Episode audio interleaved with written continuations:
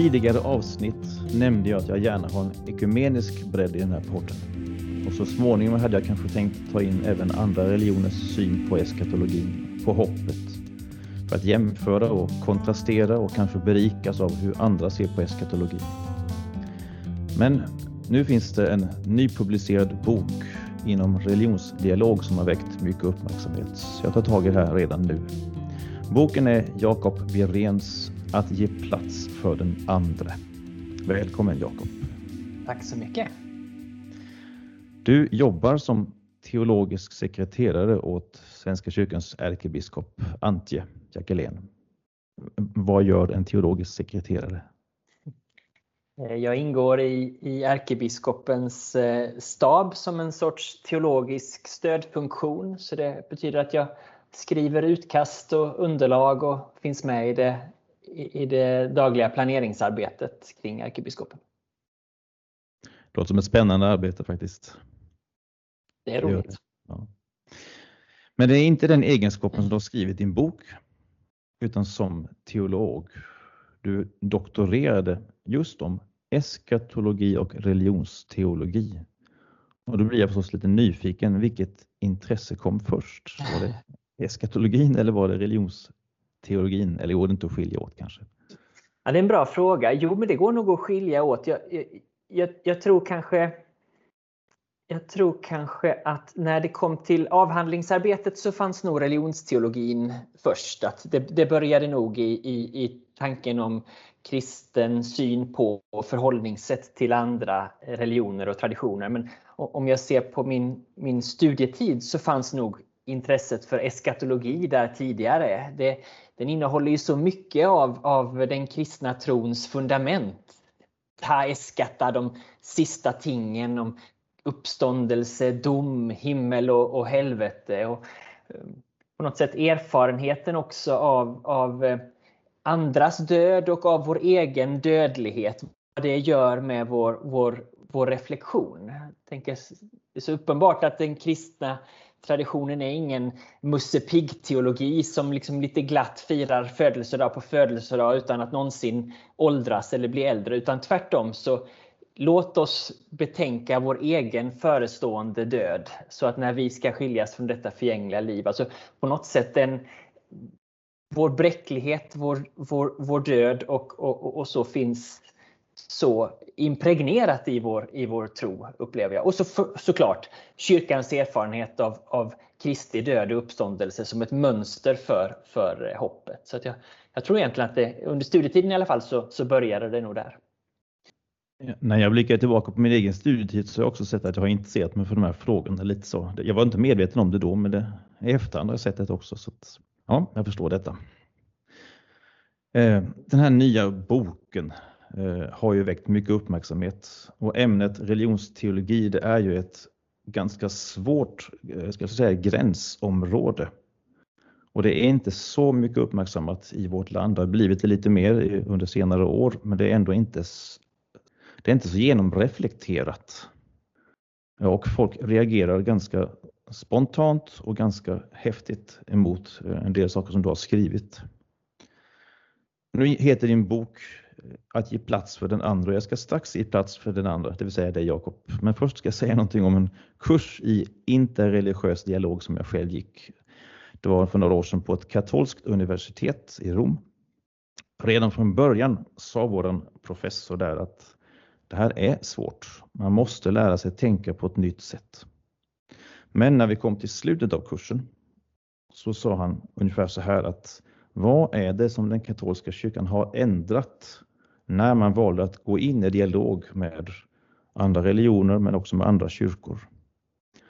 Jo, det som, har, det som inte har ändrats det är den egna tron. Inte en prick i den egna tron har ändrats utan det som har ändrats är hur man bedömer de som inte tillhör den den egna tron.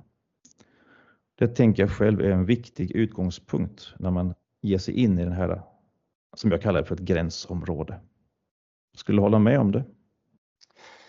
Jag tycker det är en fin och tänkvärd hållning som, som, eh, som på något sätt speglar kanske dubbelheten i det här eh, arbetet. Det kräver å ena sidan ett som din lärare sa, då, ett nytt sätt att tänka. Det, det, kräver något, någonting särskilt av oss. Och samtidigt är vi kallade att stå kvar och gräva på samma plätt mark i samma, i samma tradition. Så, så ja, i, i den bemärkelsen håller jag, håller jag med eh, honom. Eh, Svenska kyrkan i, i, ett, i ett dokument som Svenska kyrkans teologiska kommitté tog fram för, för fem år sedan kallade det sann mot sig själv, öppen mot andra. Det speglar kanske också lite av den här eh, dubbelheten. Så att jag Eh, tänker att jag, jag, jag, håller med i bemärkelsen att religionsdialog och religionsteologi handlar inte om att ge upp den egna identiteten och sanningsanspråken. Det kan så att säga inte vara ett villkor för dialog, att vi ska eh, komma läromässigt överens och tona ner skillnaderna, inte heller målet med, med, eh, med dialogen. Eh, men, men om jag inte bara ska liksom snällt, snällt hålla med så, utan, utan också ställa någon, någon slags eh, fråga tillbaka till, till vad din lärare säger så tycker jag man, man kan Ja, att det, det beror lite på vad, vad, vad menar vi egentligen med det. Betyder det då att vi, att vi inte kan lära oss någonting av dialog? Vi, vi, vi, det tillför oss ingenting i, i den egna självförståelsen. Förändras vi inte alls? Kan vi inte bli bättre kristna? Kan vi inte upptäcka någonting nytt? Och och vilken kristen tradition har någonsin varit alldeles oförändrad så att inte en prick har förändrats? Eh, Gud är evig och oförändrad, men vårt tal om Gud, vår gudstjänst, vår bön, vår förkunnelse är inte det, utan är en del av en levande dynamisk tradition. Eh, så, så i, i, den bemärkelsen, så, jag, jag tänker det, det beror lite på vad vi, vad vi menar med det, men jag, jag sympatiserar med, med det här, den här dubbelheten. att, att eh, att vi både behöver kavla upp ärmarna och, och tänka nytt och samtidigt att vi står kvar på samma plätt och, och gräver i vår egen tradition. Mm. Jag skulle nog säga att även den kursen som jag då gick, den skulle nog, han skulle nog hålla med dig om det också, att man kan lära sig någonting genom dialogen, alltså få syn på någonting för den egna tron när man går i dialog med andra, andra religiösa traditioner och deras, deras rikedomar och deras erfarenheter. Men jag tänker ändå som just som en utgångspunkt att man inte ska så att säga, sälja ut sin egen tro. Mm. Det är mm. väl det som många är oroliga för. Det har du ju märkt antar jag de här gångna månaderna efter att din bok publicerades. Ja, men det, det, är ju, det är ju frågor som, som han kommer nära den, den egna identiteten och vår, vår kristna självförståelse, vår, vår eh, vår kyrkas tro och det, det är ju det är något av det som gör det så, så spännande och, och, eh, och viktigt också, ehm, eh, tänker jag. Om, om vi nu, du, du, sa tidigare att, att det här är något, något nytt och vi, vi är ibland lite tafatta i, i hur vi närmas, närmar oss de här frågorna och det tror jag ligger mycket, mycket i det och, och det är klart att med, vår, med erfarenheten i, i Sverige där det mångreligiösa är är, mer påtagligt i vår tid nu än, än vad det var bara för, för 25 år sedan så, så kommer de här frågorna på ett nytt sätt. Samtidigt ska vi påminna oss om att, att redan, redan eh, Nya Testamentet är på ett väldigt påtagligt sätt sprungen ur en mångreligiös kontext. Eh, det mångreligiösa finns i, i, genom hela den, den hebreiska bibeln, det vi kallar Gamla Testamentet. Eh, religionsmöten har varit en del av, av kyrkans historia sedan, sedan alltid och vi kan, kan ganska lätt hitta både, både lyckade och mindre lyckade exempel på detta. Teologiska motiv för tolerans, generositet och öppenhet liksom för eh, skarpa gränsdragningar, konflikt och misstro. Jag menar, allt det där finns där hela tiden så det, det, är inte, det, det, är inte allt som är nytt även om, om om vissa saker framträder på ett, på ett särskilt sätt i, i, eh, i vår tid och i vårt samhälle. Ett par områden som, nu, nu kommer vi lite utanför eskatologin, vi ska snart komma in där också, men alltså ett område är ju det här med evangelisation versus religionsdialog. Där man då kan fundera på, finns det inget utrymme för evangelisation och sånt? Visst. Eh, och ett annat område är ju också den erfarenhet som en hel del kristna från Mellanöstern kommer med till vårt land. Där att ge utrymme för den andra inte uppfattas som kanske särskilt positivt. Så det är, ja, jag nämner bara dessa saker för att de är svåra, de finns där. Får jag bara säga något om, om dem också? För jag tycker det är två, det är två väldigt bra och, och viktiga aspekter som du, som du lyfter fram och, och sånt som man inte löser i en... I, i en jag menar, de, de, de, kräver verkligen vår, eh, vår uppmärksamhet och, och att de eh, tas på allvar. Om vi börjar med, med spänningen mellan mission och eh, mellan dialog och, och evangelisation så, så ser jag det som just en, en spänning snarare än en, en motsats eller, eller motsättning. Alltså om vi, om vi tittar lite närmare på vad en, vad en dialog är för någonting, som, som din lärare också beskriver det, så handlar det ju dels om ett nyfiket, uppriktigt lyssnande till, till den andre, till hans eller hennes...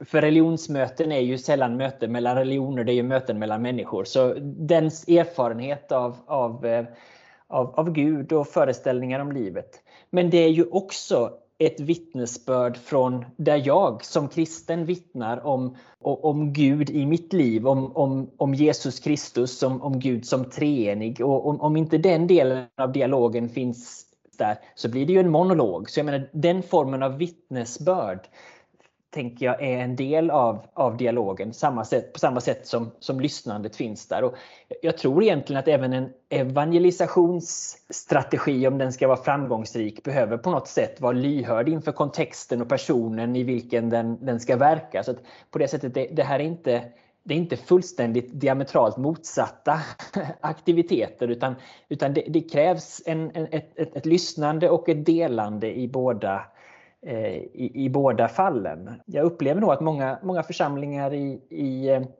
i, i Svenska kyrkan också eh, liksom på något sätt eh, är, är, är beredda till, till båda delar. Man vittnar, vittnar om, om Gud i Jesus Kristus och eh, odlar goda respektfulla relationer till, till människor av, av annan eh, tro. Och sen är det klart att det där samtalet måste ta sig olika eh, gestalt i olika sammanhang. Sitter man ner som företrädare för, för olika trosamfund och pratar om, om eh, hur kan vi skapa bättre trygghet kring våra gudstjänstlokaler eller något sånt där, ja då är det inte tillfället att, att försöka värva, värva medlemmar mellan trosamfunden utan då, då är det den praktiska dialogen som står i fokus. Men, men att det kan finnas ett utrymme för, för båda delar.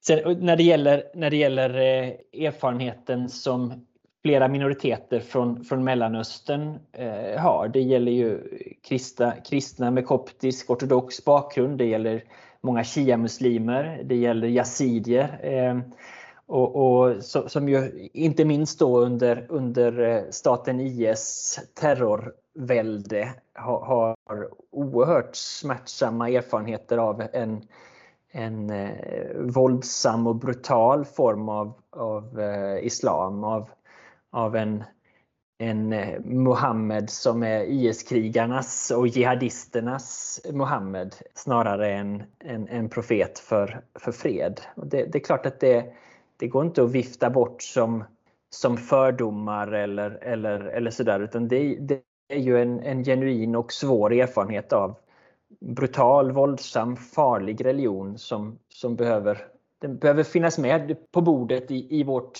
samtal.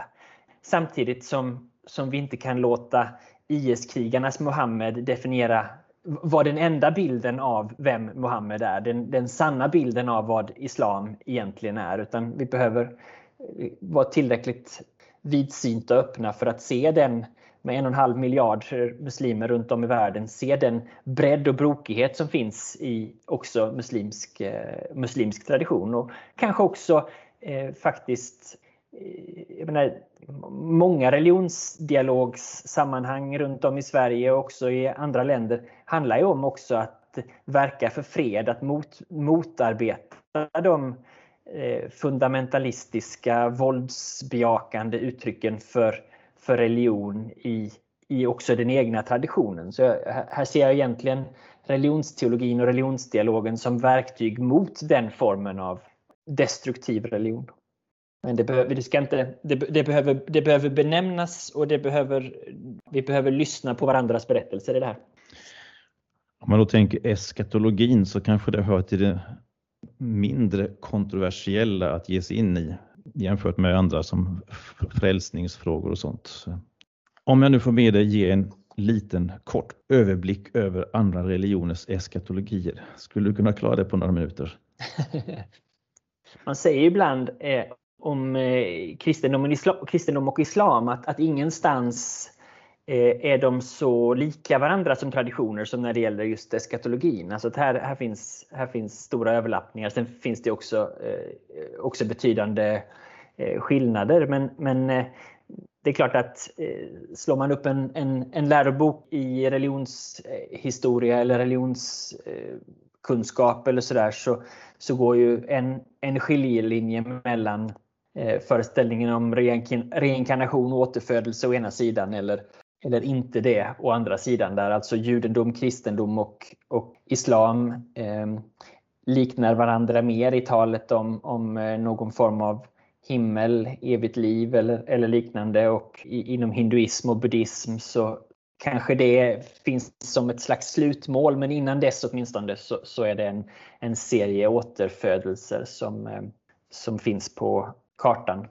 Man kan väl säga att eh, för alla de stora eh, religionerna så finns på det sättet föreställningar om vad som händer efter, efter döden. Och de, de ser olika ut och de kan vara lite olika framträdande i, i respektive traditionsförkunnelse, men de, de finns där. Den andra är ofta en utmaning i, i eh, de här eskatologiska föreställningarna. Det är tydligt att det är någonting som påverkar här och nu. Det, det, är inte, det är inte bara spekulationer om någonting som ska komma utan det är någonting som påverkar här och nu. Både på ett positivt och på ett negativt sätt. Är det så att alla religioners eskatologier innebär att man får ta konsekvenserna av hur man har levt det här livet? Ja, men någon form av, av rättviseperspektiv upplever jag nog eh, finns närvarande i, i de flesta eskatologiska föreställningar som jag stött på. Samtidigt så i vår egen lutherska tradition så vet jag inte hur, hur du skulle säga vad du skulle säga där. Det, det, är väl både ett ja och ett nej på den frågan. Ja, vi får ta konsekvenserna. Samtidigt är, tror vi att det är någon annan som har tagit konsekvenserna för oss. Så det, det, är ju lite, lite dubbelt. En Gud som, som förlåter. Men även inom luthersk tro och kristen tro generellt så finns det tal om lön mm. som ändå som är så att säga, fristående från Jesu frälsning om man får uttrycka det så. Mm. Finns det motsvarigheter i andra religioner till det vi inom kristendomen kallar för yttersta tiden? Alltså Kristi återkomst och en tid av, ja, som ju beskrivs som en ganska orolig tid i Uppenbarelseboken och sånt. Finns det motsvarigheter till det? Nu framförallt inom judendom och islam. Ja precis. Ja, ja för när det gäller österländska traditioner vet jag faktiskt inte riktigt. Det blir kanske lite annorlunda. Men, men ja, eh, man får väl säga att, att kristendomen ärvt mycket av de här apokalyptiska föreställningarna från dåtida judendom, Uppenbarelseboken och, och, och, och sånt. Så, att, så visst finns det där och inom islam finns föreställningen om Mahdi, den rättfärdige messianske figuren som, som kommer vid tidens slut och som gör upp med ondska och, och, eh, och skapar eh, rättvisa. Och i, i, i, vissa muslimska traditioner så ska den här Mahdi uppträda tillsammans sida vid sida med, med Jesus så som eh, muslimer eh, förstår honom för att skapa ett slags fredsrike. Så på det sättet en, en sån här millenniaristisk tusenårsrikes eh, tanke kan man, kan man se i flera, flera traditioner. Men, men sen kan den ju spela lite olika roll, men så är det ju också i, i, i kristen tradition att den kan vara mer eller mindre framträdande och tolkas på olika sätt också när den ska inträffa oss. Det finns ju olika sätt att förhålla sig till det eskatologiska eh, hoppet. Det ena är att säga att vi kan inte veta så värst mycket. Mm. Det andra är att ge sig in i ganska mycket spekulationer. Mm. Mm. Eh, finns de också? Och hur ser de ut? Jo, jo men absolut.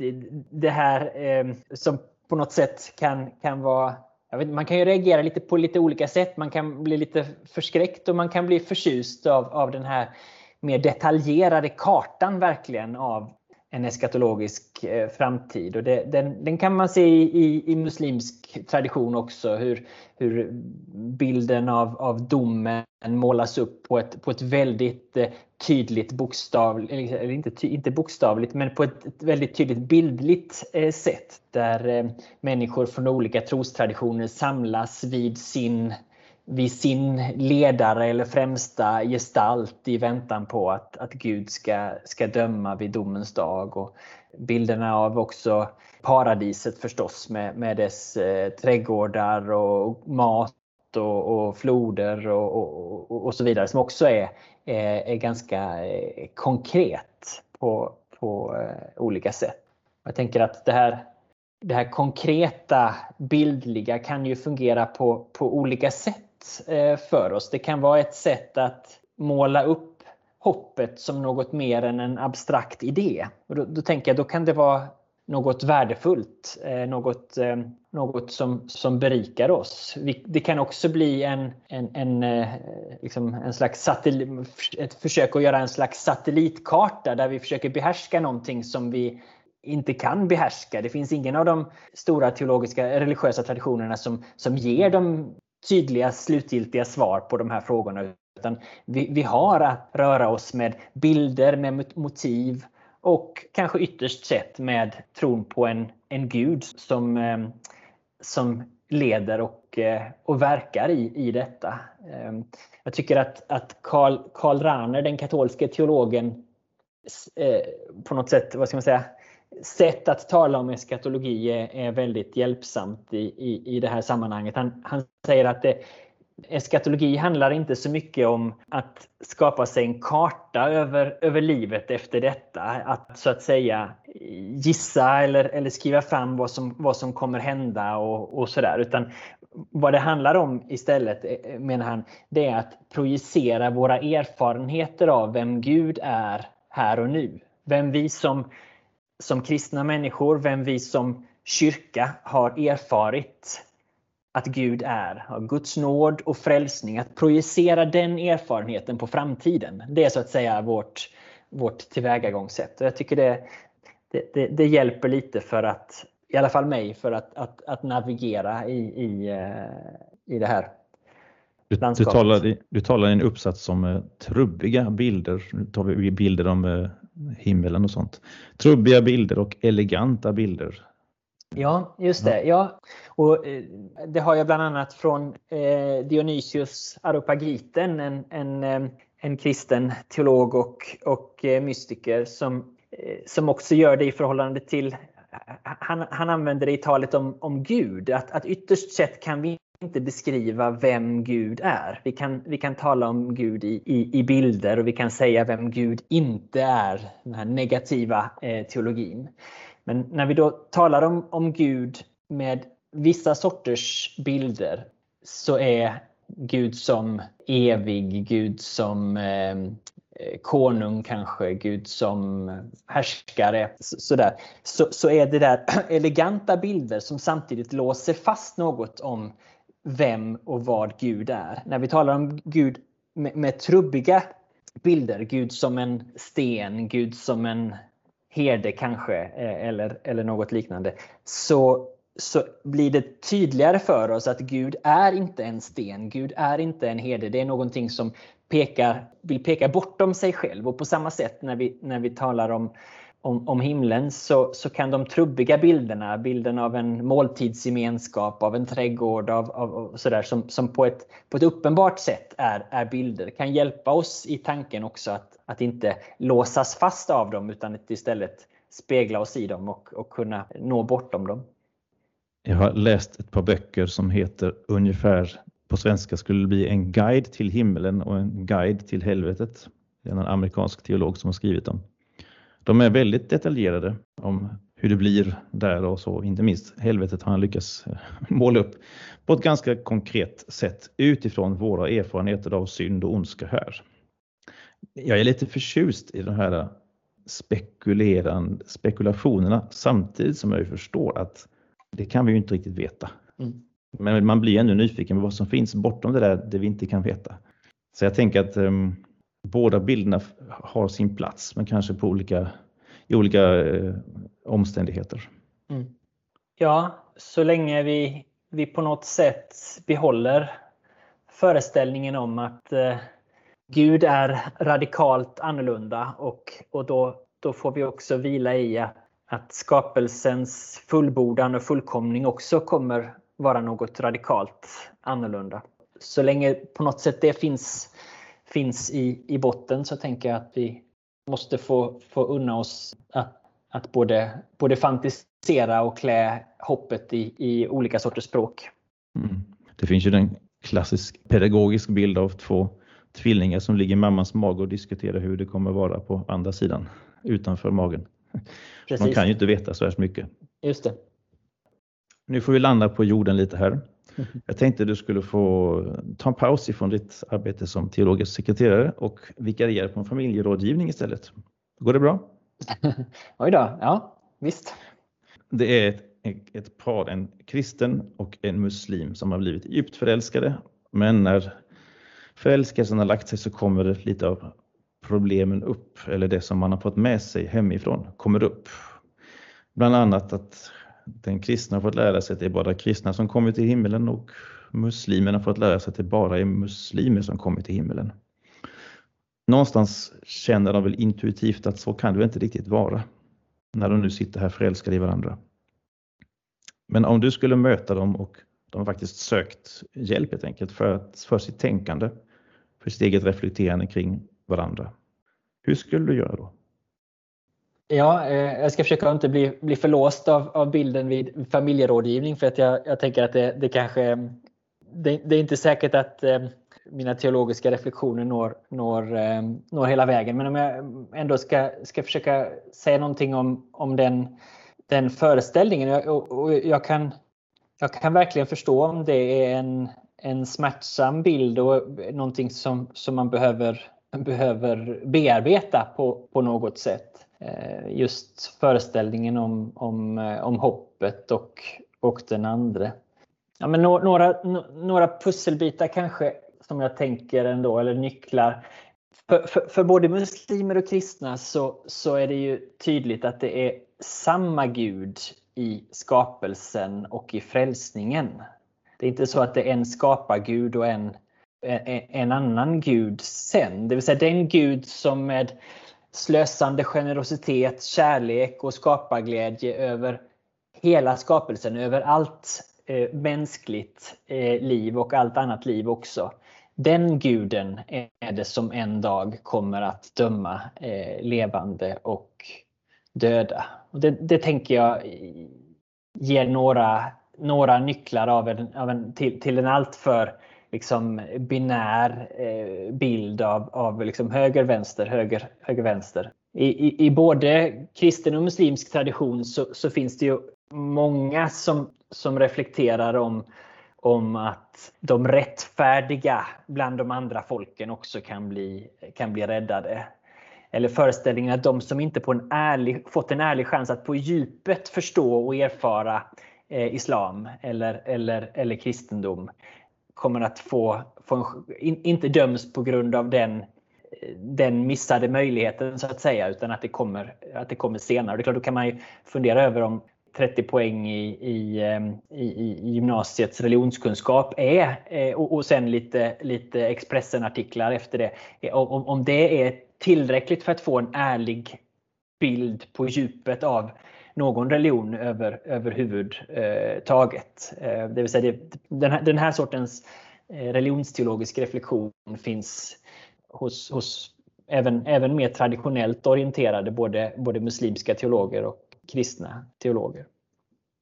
Sen som, som kristen så tycker jag att, att Wien, Gustav Wingren, den svenskkyrkliga teologens minnesregel till till, krist, till, till präster i samband med eh, griftetal och så tycker jag är pastor, på ett pastoralt sätt klok och fin. Han säger att förkunna aldrig mer än hopp. Det vill säga, det står inte i ditt mandat att, att lova några, någon, någon biljett till himmelen eller, eller något, något liknande. Det, det, det, vet, det vet du inte som, som präst eller förkunnare i något fall, inte ens om det är helgon eller, eller vad det än är som, som begravs. Men förkunna heller aldrig mindre än hopp. Därför det står inte heller i, i, din, eh, i ditt kunnande att, att avgöra eh, om det finns hopp eller inte. Utan aldrig mer än hopp, aldrig mindre än hopp. Det tycker jag är en, eh, en fin eh, balansgång. Och sen, sen är det klart att det finns, det finns både bibelverser och koranverser som, som pekar i, i, i, olika riktningar som, som eh, talar om, om eh, samstämmigheten mellan, mellan bokens folk och, och hur, hur kristna och judar också är, är eh, en del av de utvalda. Och, och från kristet perspektiv så finns ju bibelställen som, som talar om hur eh, kärlekens praktik på frukten känner vi träden, alltså, så, så där pekar i en viss riktning. Men, men där är det ju som, som vi så väl vet med, med, eh, med de bibliska texterna att det är en sån, det är en sån eh, mångfald av, av perspektiv och, och eh, motiv som, som pekar i, i olika riktningar. Men att, att kunna få några sådana nycklar kanske eh, jag vet inte om jag eh, fick jobbet som familjerådgivare direkt, men, men, det, var i alla fall, det var i alla fall någonting om sakfrågan. Men om du skulle ge det vidare ännu ett steg till och mm. uh, hjälpa dem att ge plats för den andra. Alltså i reflektionen också kring hur de skulle släppa in varandras religioner i varsitt uh, religiöst system om man får uttrycka mig så. Mm. Skulle du kunna göra det i en sån situation också? Jag, jag, tänker att det finns ju många människor som har en levande erfarenhet av att, att leva nära människor av, av annan tro. Att man firar inte bara sina egna religiösa högtider utan också varandras. Man, man dubblerar eller, eller, eller tripplar och man kan få, få på det sättet fastän man står stadigt i sin egen tradition får man ändå vara, vara del som en, som en gäst i en annan eh, tradition. Och det är på ett, på ett väldigt konkret sätt att få, få göra plats för, för varandra, att, att bjuda in varandra till, till varandras högtider, att dela sina eh, erfarenheter och tankar om, om Gud och om, om livet. Och på det sättet att kanske få odla vad Stockholmsbiskopen Christer Stendahl kallar för en helig avund, alltså att, att hitta någonting i en annan tradition som jag inte ser i min, i min egen. Och inte genast försöka annektera det eller säga att det där har nog sagts bättre i, i min egen tradition. Utan faktiskt behålla integriteten och titta på det på avstånd men med en, en, en förtjusning och en uppskattning och se här är någonting som jag inte förstår helt och, helt och hållet men som, som jag ändå imponeras av. Det kanske är hängivenheten i den muslimska fastan eller det regelbundna bönelivet eller det kanske är kärleken till eh, personen Jesus Kristus eller vad det nu, vad det nu eh, är för någonting. Och, och titta på det på, på avstånd då. ja, just, just uppskatta Jag tänker att den, den formen av egna erfarenheter av helighet också i en annan tradition. Det är nog någonting som, som jag tror skapar plats för, för varandra genom att, att odla den sortens eh, respekt och erkännande. Det finns en sak jag avundas muslimerna. Mm. Och det är att de tar av sig skorna när de går in i sin moské. Mm. Vi har alltid skorna på. Det finns kyrkor där man också får gå barfota eller i strumpläster. Men jag tycker att det ger en helt annan upplevelse av ödmjukhet och närhet faktiskt. Mm. Det är som att skorna distanserar oss lite grann från marken. Mm. Mm. Fint. En, en följdfråga här kan ju bli då, um, på vilket sätt skulle eskatologi eller våra föreställningar om det yttersta kunna binda ihop oss istället för att bygga murar?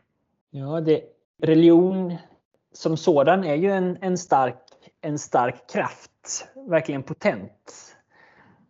Desmond Tutu har sagt någon gång att, att det är som en kniv som man kan antingen skära bröd med eller sticka någon i ryggen. Det, det, är liksom den kraften som finns. Så jag tror att eskatologin, våra föreställningar om eh, livet efter detta, våra föreställningar om, om det ultimata hoppet så att säga, är verkligen en av re religionens potenta aspekter. Eh, där, vi, där vi ser Eh, Eh, eskatologin som, som motiv i fruktansvärda terrordåd men, men också som en kraft som, någonting som befriar, ett, ett, hopp som befriar till handlingskraft. Jag tänker på kampen mot slaveriet eller, eller eh, mot apartheidrörelsen eh, eller, eller sådär. Alltså den, den befrielseteologiska eh, rörelsen i kristen tradition som, som verkligen har en, en tydlig eskatologisk dimension. Så, så um, det, det, tänker jag, det, det, finns, det finns ett, ett både och i, eh, i detta. Där det, där det både kan, kan eh, bygga murar och vara en, eh, en kraft för rättvisa och, och fred. Men, om, om, vi, om vi ser på, på olika religiösa traditioner så kan, kan man konstatera att, att om, om olikheterna är, är många så är det ändå framtidsinriktningen och hoppet som, som vi på något sätt har gemensamt. Vi föreställer oss det på olika sätt men, men eh, vi, vi har det gemensamt och vi har det också gemensamt att, att ingen av oss förfogar över det eh, helt och hållet. Och det finns någonting i, i den här framtidsinriktningen och den lite agnostiska försiktighet som vi trots allt, även om vi kan unna oss, vi måste få klä det i ord, vi måste få, få uttrycka ett, ett tydligt och handfast hopp, så, så förfogar vi inte över det eh, helt och fullt. Och, och där finns, finns någonting tror jag som skapar ett, ett utrymme för, för den andra, för oss alla. Man kunde ju önska att människor av god tro vill att den andra ska vara med. Mm. Också i evigheten. Ja, visst. I en artikel eh, så nämner du ett exempel på en möjlig bild, eh, en himmelsk eh, föreställning om gästabudet, måltiden. Kan du beskriva vad det är? Jag, jag, tycker det är en, en det är en, en, bild som, som finns i, i både gamla och nya testamentet av, eh, av himlen. En fantastisk bild som är så sinnlig och, och konkret som handlar om gemenskap, om njutning, om, om eh, skapelsens överflöd. Samtidigt när man borrar i den lite mer så är det ju en bild som också kan rymma en del en del skav. Det är få måltidssituationer som är fullständigt eh, genomharmoniska utan det, där, där behöver, vi, behöver vi förhålla oss till varandra och våra olika preferenser och, och, och, och kostregler och, och bordsskick och, och, och, vi ska sitta eh, nära varandra och vi ska, ska samsas på, eh, på olika eh, sätt. Så jag, jag tycker att det är en så fin bild för mänsklig, eh, fin och hoppfull bild för mänsklig gemenskap. Det är en ganska trubbig bild också om vi återvänder till det som, som på det sättet kan, kan öppna upp föreställningar snarare än att, att låsa dem. Och sen är det klart från ett kristet perspektiv eh, där, där måltiden också spelar en så viktig roll för vår tro. Jag tänker på, på nat, nattvarden där vi, där vi tar emot Kristi kropp och blod så finns det också en sådan sakramental dimension av den här eh, bilden som, som jag tänker att vi som kristna också behöver, behöver ha i en eskatologisk föreställning. Har du prövat den bilden mot företrädare från andra religioner?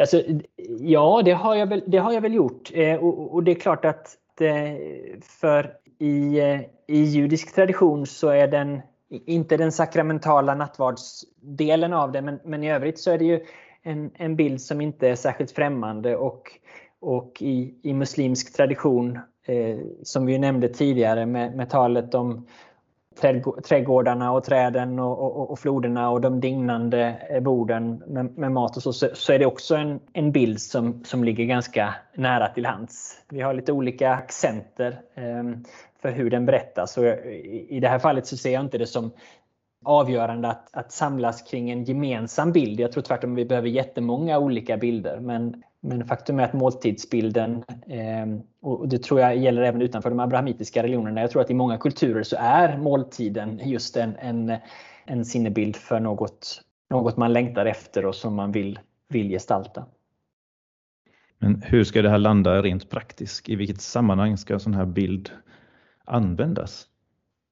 Eh, ja, det, det, är ju en, det är ju en bild som, som finns i, i, den, i den kristna traditionen. Jag menar, vi, läs, vi läser den i, i, i gudstjänsten så, så läser vi i läsningarna från både Gamla Testamentet och Nya Testamentet om, om olika former av sådana måltidsbilder som en också spegel av, av himlen. Vi läser om det i nattvardsbönerna och, och, och så. så för oss som kristna tänker jag att den, den har sitt sammanhang i, i, i stor utsträckning i, i, i gudstjänsten. Och sen, sen klart att vi som enskilda kristna också kan eh, behöva olika bilder för att eh, tänka och tala om, om hoppet. För en del kanske det handlar om vilka, vilka människor vi, vi längtar efter att få, få träffas. Och för någon annan handlar det om att få eh, kunna återerövra någon kroppslig förmåga eller någonting som man har längtat länge efter att kunna göra, att kunna göra det. Och för någon tredje kanske, kanske att eh, en sån här bild också säger någonting. Jag tänker att den har både ett pastoralt och ett liturgiskt och ett teologiskt sammanhang på det sättet. Finns det på motsvarande sätt bilder som du inte skulle önska fanns eller används så mycket? Ja, det är en bra fråga. Um, inte som jag eh, kommer på. Det, det, det, är klart att, att det, finns, det finns härskarbilder av olika slag som vi kan, vi kan förstå på olika sätt i alla fall och som vi kanske behöver. De, de har de, om, om makt och underordning och så som, som jag tror att som har sin plats i kristen tradition men som vi behöver vara lite, lite varsamma med i alla fall hur, hur, vi, hur vi använder dem och eh, förkunnar om dem. Men det, det, är inte för mig att önska bort dem men, men jag tror att vi får, vi får bara ha i åtanke att alla våra, alla våra bilder som, som vi har kan både brukas och missbrukas. Jag tänker konkret på att Svenska kyrkan nu ska gå in i ett eh, arbete för, att, för en ny psalmbok. Det är en lång process. Och då kanske de här tankarna smyger sig in, eller det hoppas vi på att dina reflektioner får finnas med också i arbetet framöver. Men då tänker jag att det finns en, kanske en viss oro. Att man, behöver, att man ska, behöver ta bort saker och ting som man uppfattar som eh, olämpliga eller i det här, det kanske uppfattas som politisk korrekthet att anpassa sig efter eh, den interreligiösa dialogens eh, förväntningar eller krav. Eller. Mm. Jag, jag, tänker på det ur alltså, perspektivet Svenska kyrkan.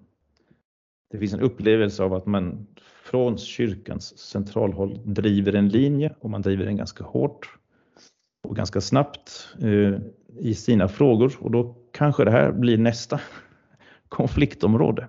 Mm. Och när du säger det här, vad menar du med det här då? Eh, att, äh, att ge plats för den andra med konsekvensen att vårt eget, vår egen plats blir beskuren på något sätt. Ja, ja, mm, okay. mm ja jag förstår. Jag, jag förstår inte riktigt eh, på vilket sätt eh, det som, det som eh, jag skriver om i, i boken skulle vara uttryck för, för det. Men, eh, men jag, jag tänker att i, i, vårt samtal nu, och det är jag tydlig med också i, egentligen i, i allt religionsteologiskt tänkande, att ge plats för den andra handlar inte om att lämna sin plats.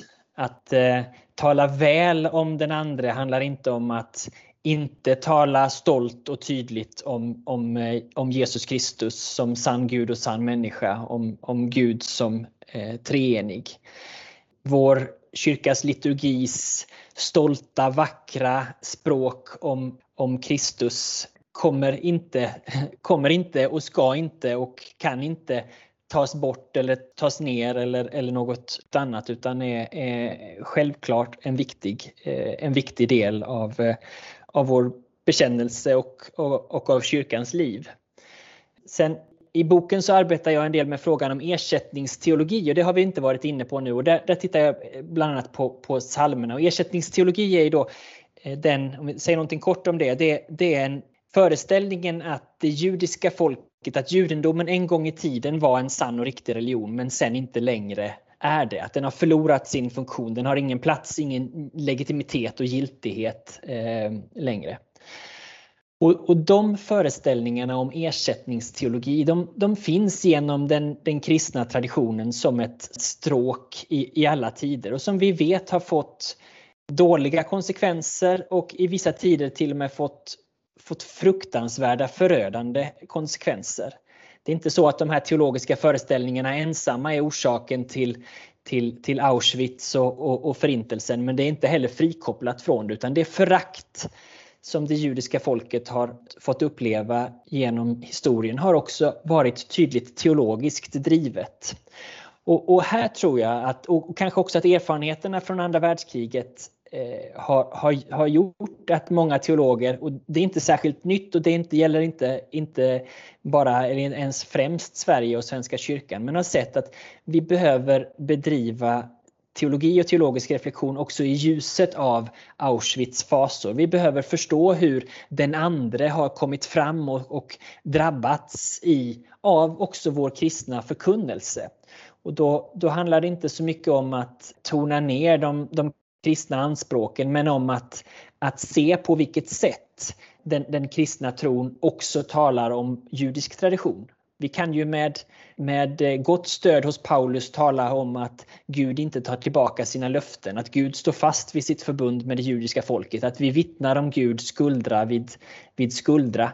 Ändå så säger vår teologiska förkunnelse ibland något annat. Då behöver vi bli varse på de mekanismerna och den formen av arbete tror jag att vi behöver eh, den genomlysa egentligen hela tiden i, i, när vi förkunnar, när vi, när vi sjunger salmer och så vidare. Och det, det handlar inte om att, att, att, riva ut älskade salmer utan om att skapa en, en medvetenhet om hur vår teologi ibland har lett till faktiskt förakt för, för andra människor. Det tror, jag är en, det tror jag är en teologisk kallelse också för oss som, som kristna. Men eh, det ska inte handla om att, att lämna sin plats. Då får jag tacka dig Jakob för det här samtalet. Tack så mycket. Och jag tackar också er som har lyssnat. Och fler avsnitt är på gång. Tack och hej!